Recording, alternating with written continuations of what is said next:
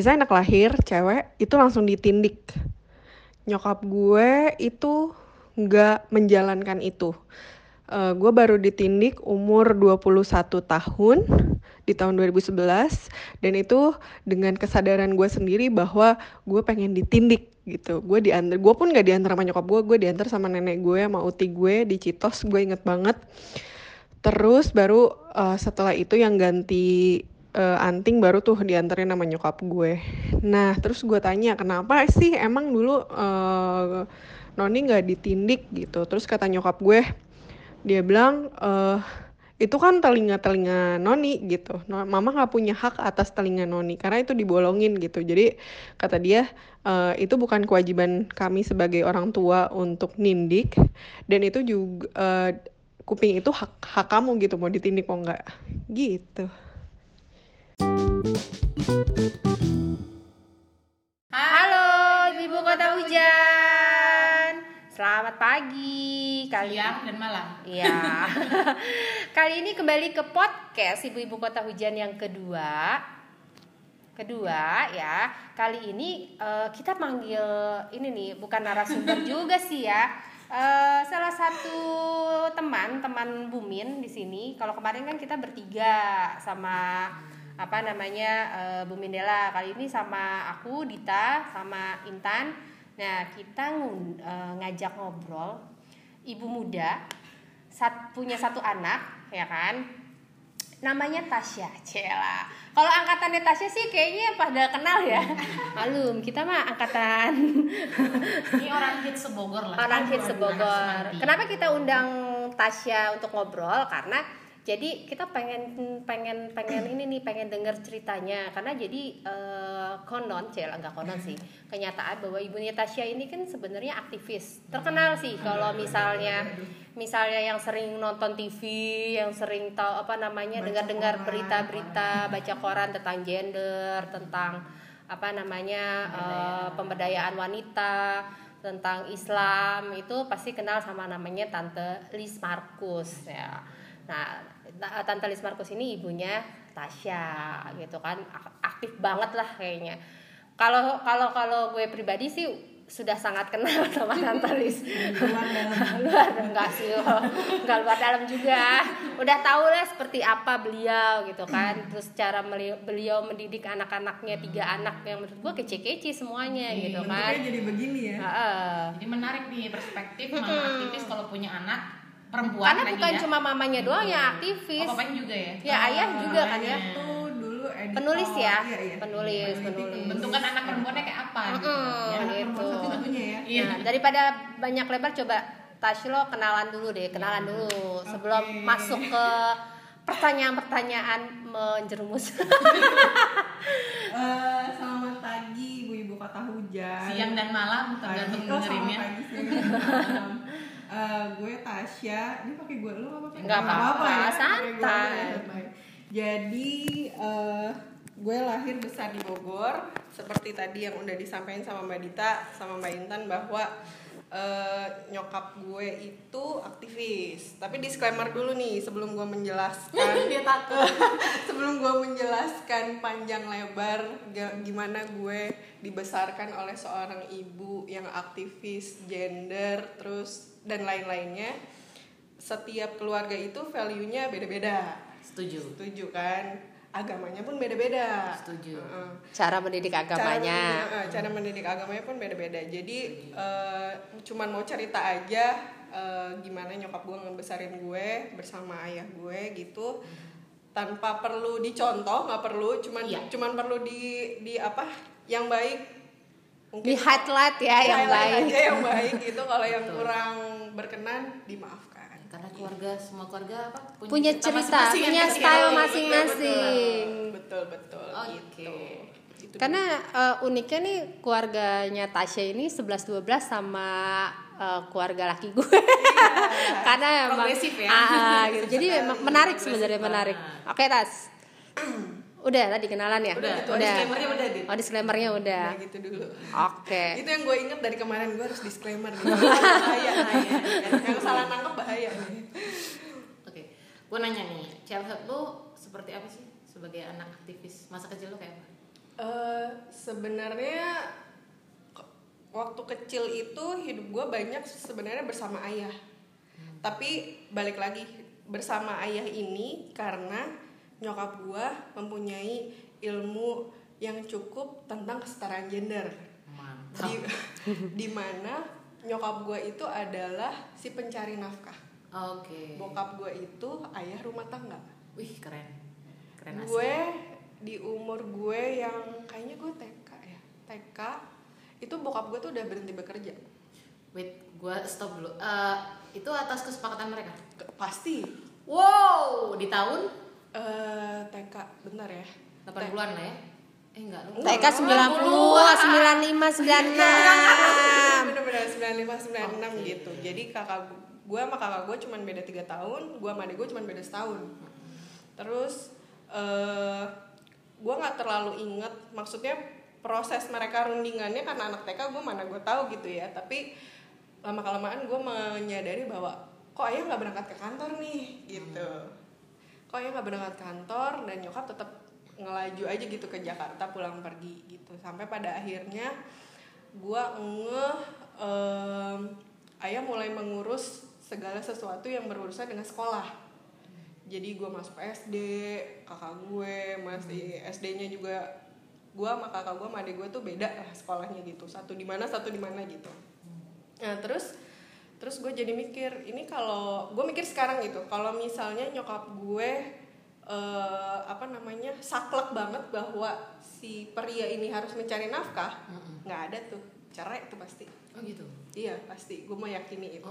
Karena karena urusannya kalau misalnya yang kalau nyokap gue eh, bahwa dibilang si laki ini pencari nafkah gitu misalnya ya udah susah lah. Orang Iya. bokap gue bokap gue di rumah gitu. Tapi alasannya sih sebenarnya eh, bokap gue pengen nyokap gue tetap berkarir gitu, Karir. berkarir karena di saat gue SD eh, nyokap kuliah S2 di Belanda jurusannya antropolog Berat. berat dan Berat. lo harus tahu gue nggak nggak merasa nyokap gue tuh kurang ilmu agamanya nggak karena nyokap gue itu lulusan IAIN S1 nya jadi kalau misalnya ditulis sarjana apa SAG SAG. Sarjana agama kan? iya Gue tau banget itu buku-buku agamanya banyak banget. sih ya. iya Jadi Om Ismet dan Natalis itu buku agamanya tuh Dan udah kelihatan lah. Sama lah kayak Referensinya banyak. Nah, serunya adalah bokap gue itu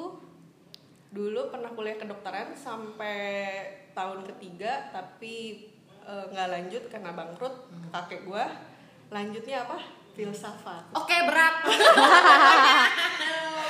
Makanya ya, ketemu SAG antropolog Tapi seru yang menarik yang tadi dibilang sama Tasya karena gue juga gue itu kenal sama Tasya masih pacaran sama AG. Hmm. Jadi dia which is SD ya.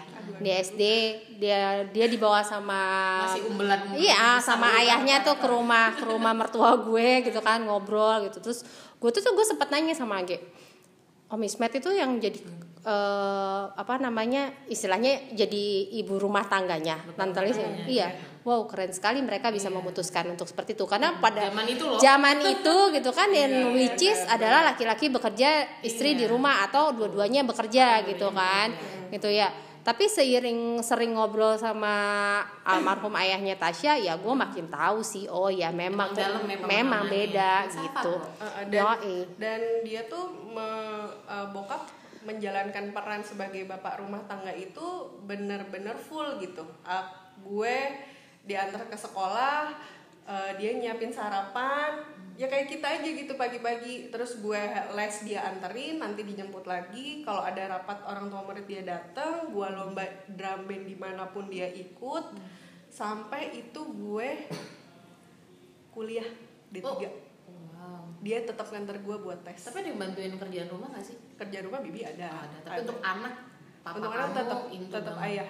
Ayah gitu. Dan eh, ayah tuh selalu masukin bahwa eh, nggak menghilangkan sosok mama. Mama tuh emang keluar pergi-pergi terus dan lain sebagainya. Dan mama selalu ngingetin bahwa eh, ini ikhlasnya ayah nih. Jadi pas ayah meninggal tuh kita selalu nginget karena itu keikhlasan seorang pria untuk di rumah Iya, itu luar betul. biasa Padahal laki gue pengen banget loh kayak gitu. Iya gue pengen sih. sarungan di rumah, nganterin Iya anak sih, kayak bener. gitu pengen.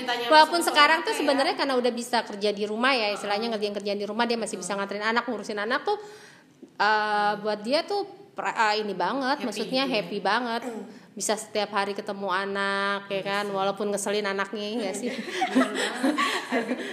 eh sedangkan Aing masih produktif nggak di rumah sih kayak menulis sih ya Nulis, dia nulis. editor kan. editor Editor.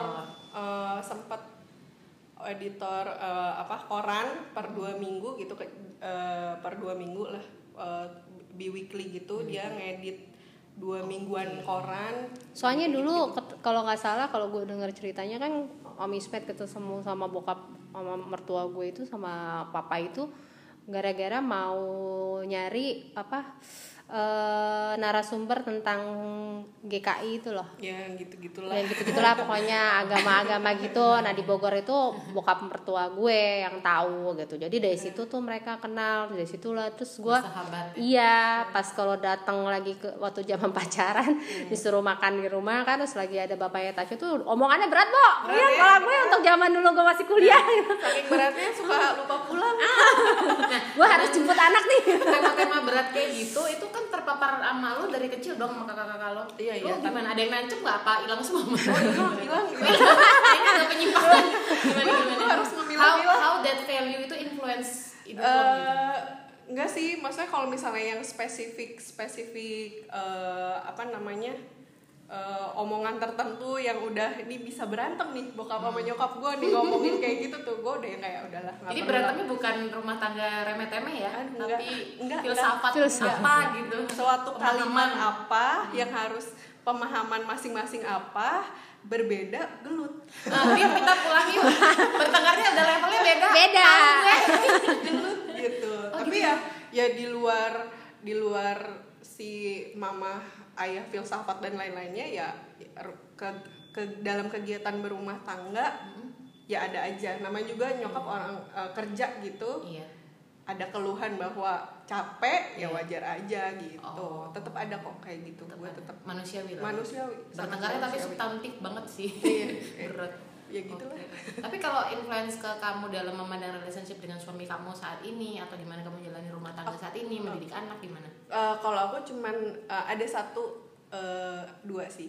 Jadi kalau misalnya udah berumah tangga, nyokap selalu bilang hargain aja satu sama lain gitu. As a human ya. As a human. Iyalah. Bukan bukan. As a satu yang super- Maksudnya dia punya pribadi Superior gua- gitu eh, ya. gue punya pribadi masing-masing. Kita kita dari dua kepala yang berbeda, punya satu cita-cita di dalam rumah tangga. Ya udah pegang aja gitu. Terus nyokap selalu bilang gini, sebagai dua pribadi, dia bilang lu tuh gini bilangnya, kamu punya rahasia kamu sendiri. Bila punya rahasia kamu sendiri, sebagai dua pribadi yang berbeda, hargai itu. Jadi gue nggak pernah tuh ngoprek-ngoprek HP. Nah. gue nggak pernah yang namanya Buka dompet, diem-diem ya. Oh kalau dompet nggak bisa. Duit. Terus kalau duit. Duit. Mending buka. Oke. yang jadi- kayak gitu-gitu karena mau nggak mau eh, kalau lu nggak mau sakit hati nggak usah gitu deh gitu bukannya gue nggak percaya sama suami gue bukannya suami gue nggak percaya sama gue gitu tapi when when when it comes to our phone eh, itu udah personal gitu personal. nggak usah ini deh mancing gitu nggak usah mancing deh yang kayak gitu-gitu udahlah Iya, itu makanya gue pengen tahu aktivis tuh sisinya itu gimana sih relationship in real life gitu. Kadang kan ngomongin kesetaraan dan segala macam. Mm-mm, kayak gitu gitu kan. terus eh, dari dulu sebenarnya ada yang dipa- terpatahkan sebenarnya sama gue jadi nyokap Hmm. selalu bilang jadi eh, cewek itu kerja ya kata dia gitu Hmm. punya penghasilan Dan lu ya. enggak kan? dan lu dan gue enggak gitu jadi pas eh, gue memutuskan untuk berhenti bekerja itu di otak gue tuh. Kayak oh itu guilty-nya luar biasa gitu. Gue yang kayak wah anjir ini Lu guilty sama mama lo maksudnya? Iya, gue guilty sama mama gue karena mama gue ngajarinnya kayak gitu dari dulu gitu. Oke. Jadi gue yang kayak anjir nggak kerja nih gue gimana ya gue gue nggak punya otak dagang gitu loh. Gue nggak bisa jualan gue nggak bisa apa ya yang gitu-gitu gue nggak bisa lah gitu. Gue basic kerja kantoran banget bisanya gitu. Secara D3 gue sekretaris gitu mau ngapain lagi gitu kan. Terus S satunya manajemen. Terus gue bingung aja gue mau ngapain. Terus gue pengen bertanya lagi sama nyokap "Ini nggak apa-apa nggak apa-apa gue bukan ke suami loh gue bentengi nggak apa-apa ya mah udah ya. Udah ya pengen." relationship relationship mama ibu ke anak perempuan tuh gitu. Iya, kayak enak gak enak. Terus habis itu kayak eh, udah ya mah eh, nanti ada lah maksudnya masa Noni mungkin kerja lagi dan emang benar gue Hmm. gue kerja lagi sempat cuman emang yang eh, udah udah capek ya udah berhenti lagi oh, gitu kamu aja. punya pilihanmu sendiri. Ya, pilihan gue tapi sendiri gimana mama respon? Dia tetap make sure-nya bahwa kebutuhan lu sebagai seorang istri sebagai seorang ibu eh, di dalam rumah tangga itu terpenuhi. Jadi dia make sure-nya ke suami gue tetap balik lagi. Maksudnya kayak eh, Bila tuh ngapain? Bila ngapain? Bila tuh berhenti kerja loh dua tahun lalu. Sekarang dia bisnis. Iya, jadi gue iya. sedang sebenarnya lagi fighting dalam keluarga gue untuk mengolah keuangan kita Oh. sebagai seorang entrepreneur seba- sebagai seorang yang nggak digaji sama perusahaan yang kayak gitu-gitu ketika lo ketemu Bila itu keluar nggak semua list-list yang mama bilang? Ya lo obrolin nggak sama suami lo waktu masih calon gitu? Gua akan begini dan begitu atau gimana? Enggak Kan sih, beda dong perspektifnya? Eh, nyokap tuh dulu ya nggak tahu ya mungkin karena nyokap dari dulu itu kerja yang selalu dirima itu itu sebenarnya. Jadi patah sebenarnya sama gue. Gue berhenti kerja tuh kayak ya sorry mau gitu Udah mana anak cewek satu-satunya Eh, nih. legasinya Paling gitu mirip sama dia. legacy legacy Iya. karena kan kok legasinya pernah gitu. soalnya gue inget banget si Noni masih hamil kalau nggak salah gue ke rumah lo itu kan terus si mama tuh tuh tuh Not udah ada deker tuh Mbak Dita tuh udah ada deker kalau nanti anak mau lahir Nah. kayaknya yang masih gak boleh gak boleh lo berarti kerja ngomong-ngomong daycare nih gue juga unik sih Noni nih kan dia eh, tadi tuh sibuk rumah tangga Oh tapi enggak, kan. awalnya dia Oh. kerja bu, Ah. masukin Gio itu iya, kerja, iya. terus dia nggak cocok sama kerja dia berhenti. terus kan dapat stigma tuh. Oh Iya, iya iya gue dapat dong. stigma banget. Jadi gue itu eh, anak gue satu setengah tahun gue gue nggak kerja tapi gue titipin anak di daycare luar biasa kan? Orang-orang tuh julidnya luar biasa. Tapi ya udahlah perspektif orang ngurus anak beda-beda. Gue cuman kayak tau nggak sih? Ini tuh receh banget sebenarnya. Gue juga nggak kerja kok, anak gue di gua nggak ada deker, anak gue di deker.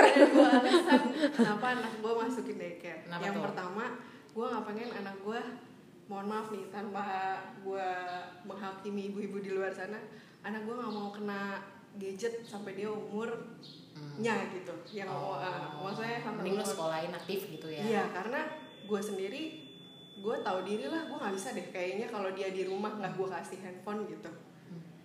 Gue gue meyakini kalau dia nggak di daycare bakal gue kasih handphone udah satu setengah tahun dia udah pasti. jadi lu merasa itu pilihan yang terbaik untuk anak lo Iya. Dan yang kedua gue nggak mau ada drama bibi, mbak, ibu rumah apa ah, asisten asisten rumah tangga nggak mau. Jadi itulah. Dan nyokap gue ya udah iya iya aja. oke lu mau nanya apa lagi kalau gue banyak nih ntar Kalau aja dulu, Itu gue mah, gue mau nanya apa, gue udah tahu. Tahu ya jadi konten bingung. ya. Masuk remaja kali. remaja gimana pesan-pesan mama Nah, gitu kan buat anak gadisnya yang kemarin Yang kemarin di posting. yang udah lihat Instagram gue Makanya pas pas gue baca baca baca Instagramnya dia apa namanya gue cuma bilang juara tante Lis. karena Makanya gue udah tahu sih pasti antara emang juara begitu. sama wah hancur banget Gak semua mama itu gitu Sama kayak kom Eh. jadi gini, kalau ya makanya gue bilang 11 12 sama eh, mertua gue. Jadi kalau mertua gue bilang nggak bukan kalau yang kemarin kan ini itu beda kalau mertua gue gini. Kalian sudah menikah keluar dari rumah oh ya prinsip-prinsip seperti kayak itu gitu kan ya buat apa di rumah mau lo nggak kos kek mau lo ngontrak kek lo mau punya rumah sendiri keluar dari rumah mandiri gitu. gitu ya itu kan jarang banget didapat dari orang tua kita gitu loh kalau bisa mau lo di rumah mama aja nyam, nyam, gimana? gitu kan Iya, iya, iya. nggak peduli setan ya lo udah mau nikah urus sendiri keluarga lo gitu kan istilahnya bahkan sampai udah tua gitu aja kan mereka berdua doang Iya, bener. sama kayak apa namanya noni orang tuanya juga berdua doang Iya. jadi pas masuk masa remaja itu eh, gini nih betapa pentingnya emang cinta kasih di keluarga karena a- mau ada permasalahan apa pun seorang remaja segalau-galaunya baliknya pasti ke rumah. Mamamu hangat gak sih? Apa lebih hangat papa? Oh hangatan papa itu udah hangatan papa soalnya hangatan papa nggak tahu itu karena gua anak cewek. Anak papa. Cewek, Iya, iya, cewek. benar mantan ayah gitu. Jadi emang dibilangnya Tasya si anak ayah gitu. Hmm, iya. Nah terus kalau kakak kakak sama adik gue lah gue nggak tau lah itu gimana mereka tapi emang masa kecil kita sampai gede itu ya sama ayah aja urusannya sama ayah nah pas masuk masa remaja eh kalau sebelum sebelum remaja tuh sebelum si remaja ini terbentuk kalau misalnya value keluarganya itu masuk banget bahwa setiap ada masalah apa pun lu harus pulang ke rumah.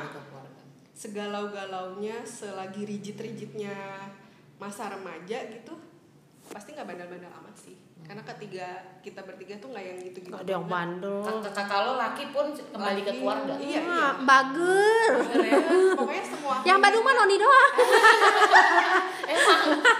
Ntar mau ke mana mana? kabur kabur aduh Oh gitu. Jadi lo ngerasain ya gue SMP itu. SMP gue pernah kayaknya berapa hari gue nggak pulang nginep di rumah teman gue karena teman gue itu punya kakak-kakak punya kakak yang teman-temannya SMA ganteng-ganteng Oh, iya.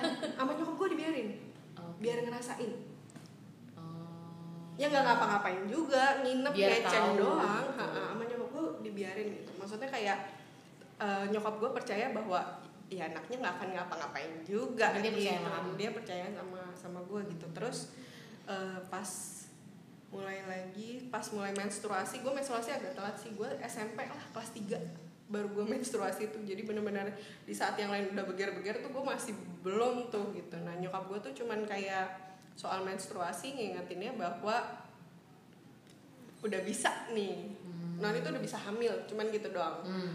mau apa namanya eh, mau dibilang masih kecil tapi Noni sudah menstruasi Noni bisa hamil. Udah gitu dong. Jadi eh, dan di rumah tuh ada buku-buku soal antropolog soal ini juga Tubuh. tubuh dan lain-lain. Jadi gue udah biasa sih sebenarnya baca kayak gitu gitu Oh. terus mulai SMA gue di SMA 3 pacaran tuh kelas 1 Ya anak baik ya SMA berpacaran. SMA berpacaran ya. Lo mah dari TK kayaknya tan.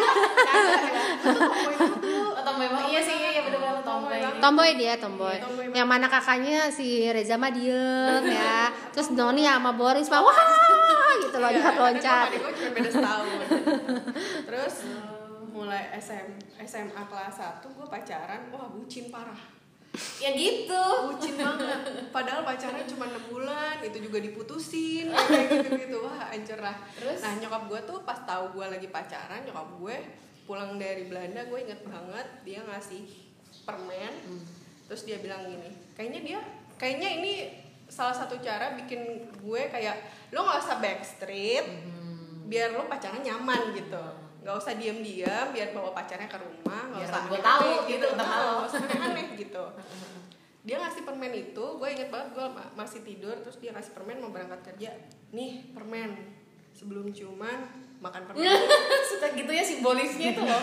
Simbol-simbol gitu loh. terus habis itu hah apaan sih? Jadi malu Iya, atau? iya, apaan sih? gue bilang kan gitu. Terus tapi ya kayak ya udah jadi santai aja gitu. Karena eh gimana ya pacaran tuh pasti dilewatin gitu Iya Maksud pasti. fase gitu, kan. pasti. Oh, Nggak iya. mungkin kita. iyalah pasti Denial gitu Nggak kan. mungkin nikah Oh, pasti. Oh, pasti, pasti. mempersiapkan yang makanya kata kata kata laki gue kata Age nggak apa-apa mix suka sama perempuan tuh boleh Malah itu wajar harus yang nggak boleh tuh pegang-pegang ya kan masih Iya, kecil ya kan iya. pegang-pegang suka sama cowok nggak boleh sama cewek nggak apa-apa Naksir tuh suka fitrah gitu. Harus tapi bapak screening dulu lihat harus cantik ya bebet bobot Ah, Jadi enak gak sih punya mama papa yang relationship kayak gitu? deg-degan sebenarnya kayak ya allah ini gue ditembak mulu gitu ngerti gak sih kayak Gimana gitu? eh gue pacaran terus dibilang kalau ciuman makan permen dulu Ya gimana? udah tahu-tahu gitu. Ah, kayak Gak di- ngelarang tapi malah bikin malu oh, gitu ya. kayak tidur gitu gue aduh gini banget sih frontal banget gitu ya terus em, pas waktu oh gongnya sih pas gue yang ada di postingan Instagram gue udah mulai ngekos. Itu Iya, udah nggak bisa karena udah banget. dewasa kan. udah dewasa. Gue kuliah D3 di Tarki di Pondok Kelapa. Aduh banjir nggak ya? Turut prihatin Jakarta banjir. Semoga lekas surut. Di Pondok Kelapa eh, kebetulan cewek semua. Hmm. cewek semua. Jadi nyokap gue yang kayak ya biasa aja kayak ya udahlah gitu. Nah mulai yang agak-agak seru itu pas gue udah mulai kerja. Hmm. itu tahun 2011 gue udah mulai kerja gue ngekos. Kosan pertama gue itu masih cewek semua isinya. 2011 mu udah punya anak. Gue udah kawin. Anak gue udah gue tahun udah tiga tahun di situ juga nyokap masih biasa aja, tapi pas mulai gue bilang mah mau pindah kosan ke mana kata nyokap gue Setia Budi. oke gue pernah ngasih setuju kan soalnya seketika mes Setia Budi. Kosannya campur, campur. Oh ya udah gitu. Udah boleh pindah biasa aja, nggak kenapa-napa. Tiba-tiba nih dan gue kebetulan sama suami gue itu pacaran dari kelas 2 SMA jadi setelah gue jadi bucin itu gue jomblo terus gue pacaran sama suami gue pacaran 8 tahun 4 tahun LDR karena suami gue kuliah di Makassar terus ya udah terus pas gue udah mulai apa kerja tahun 2011 nyokap gue yang kayak gue dijelasin di Instagram gue lagi nggak ada angin nggak ada hujan inget banget gue lagi pulang tuh weekend gue lagi nonton TV nyokap gue tiba-tiba ngomong. Kalau di Instagram masih gue sensor sih. Sensor. Eh, podcast nggak perlu. Gue bilang gini gue lagi ngadep TV nyokap gue di belakang. Non ya kalau misalnya udah seksual aktif jangan lupa pakai kondom ya Hmm. kata dia gitu. Hah? apaan sih mah ya kalau sampai kalau sampai hamil katanya nggak usah diaborsi mama dapet cucu lebih cepat iya katanya gitu waduh gue gue itu itu berkebesaran hati seorang Orang ibu. tua, iya. iya namanya Iya, dapet juga. cucu lebih cepat gitu karena dia tahu karena dia eh, apa namanya nggak tahu ya maksud gua ya kan mungkin gini kalau gue ngeliatnya mikir ya udah dewasa anak kan Iya, mau lo larang-larang kayak mau gimana gimana, gimana Nah, toh iya. kita juga nggak udah nggak bisa 24 bisa. jam lagi Iya, mantau Yang kan ada dibangun aja kesadaran Ah, anaknya ah. aja gitu. dan saat itu kakak gue lagi kuliah di Malaysia gue di Jakarta ngakos adik gue di Bandung iya enggak mau ngebaginya gimana gitu. Iya, nggak bakal bisa. nggak bakal bisa ya Nah beda bedanya sama aktivis sama kayak mak gue akademis. Hmm. Kalau mak gue akademisnya bilang, kamu kan lulusan anak pondok, jangan sampai ya kamu Jangan begitu, sampai, jangan sampai, jangan jangan sampai, sampai, Deng- ya. ah, gitu. Terus kamu kan udah tahu mana yang benar mana yang salah. Iya. Gue selalu didoktrin gitu ya. Gue pada suatu saat gue dengan kesalnya gue bilang, mama, mama ngomong gitu terus ke aku, ya, ku lakuin ya. Ya, ngancem malah ngancem balik lagi Kesel ya, gue tahu gitu, gue udah Iya. gede, gak usah begitu gitu, ku lakuin ya. Kalau mau udah ku lakuin dari kemarin-kemarin, gue bilang ya. Kok kamu gitu ya makanya udah sih gue bilang gue Iya. tahu kok gue bilang. Kalaupun terjadi gue juga nggak bego-bego banget kali. Kalaupun gue mau seksual duluan juga nggak pakai pengaman kali gue bilang gitu. iya kan Iya gila jadi kayak lo satunya dibangun kesadaran, walaupun sama-sama deg-degannya kan mama iya. sama deg-degan dong, cuma cara ya namanya nyokap beda. dosen kan pasti kan begitu ya. Iya, iya. gini tak tetap beda lah sama aktivis kan mikirnya ke mana-mana kalau Atau sama akademis kan yang biasa kayak gue juga. Ah kan gitu jangan gitu Kebanyakan. jangan begini jangan begitu jangan begini. Capek bu. Iya gitu. Terus habis itu gue yang kayak ah ya udahlah gitu.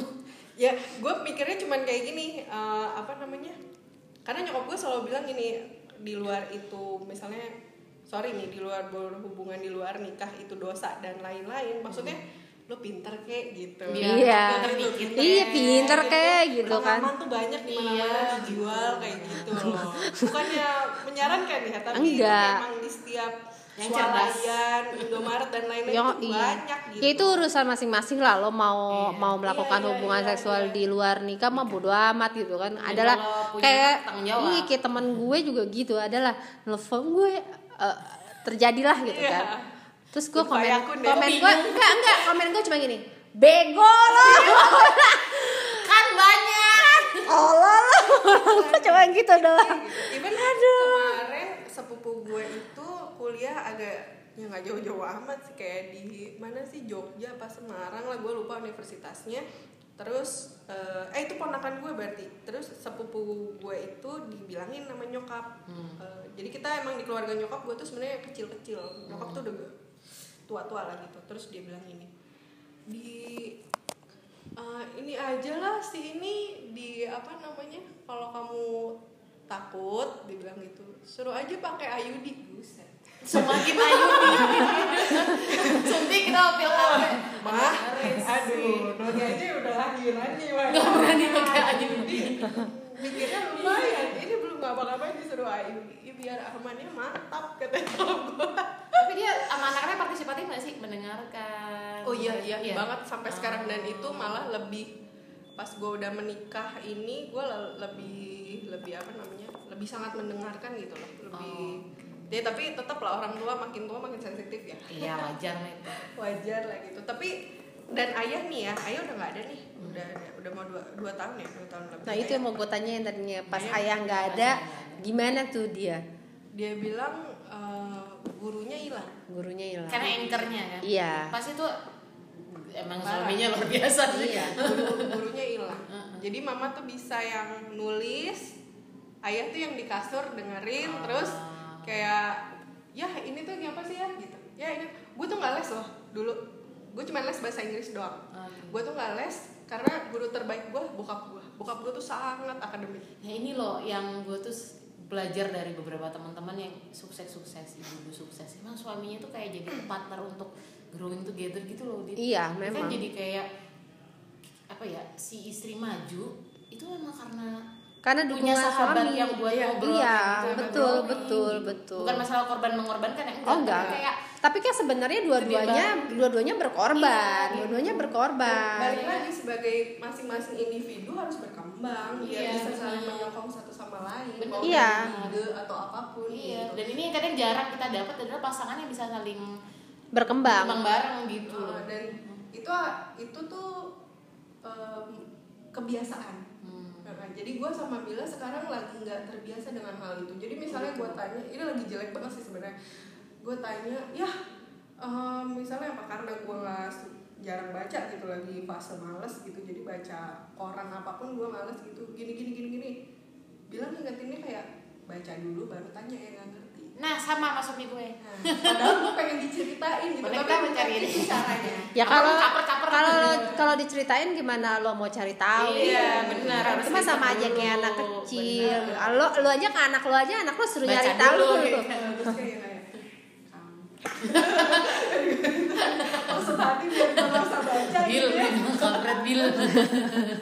Iya bener juga sih. gitu terus kayak pas bokap meninggal itu wah gila sih itu bener bokap meninggal tuh kayak ya itu lagi patah gue patah Patah. nyokap gue juga parah terus nyokap gue selalu bilang eh, gurunya hilang Hmm.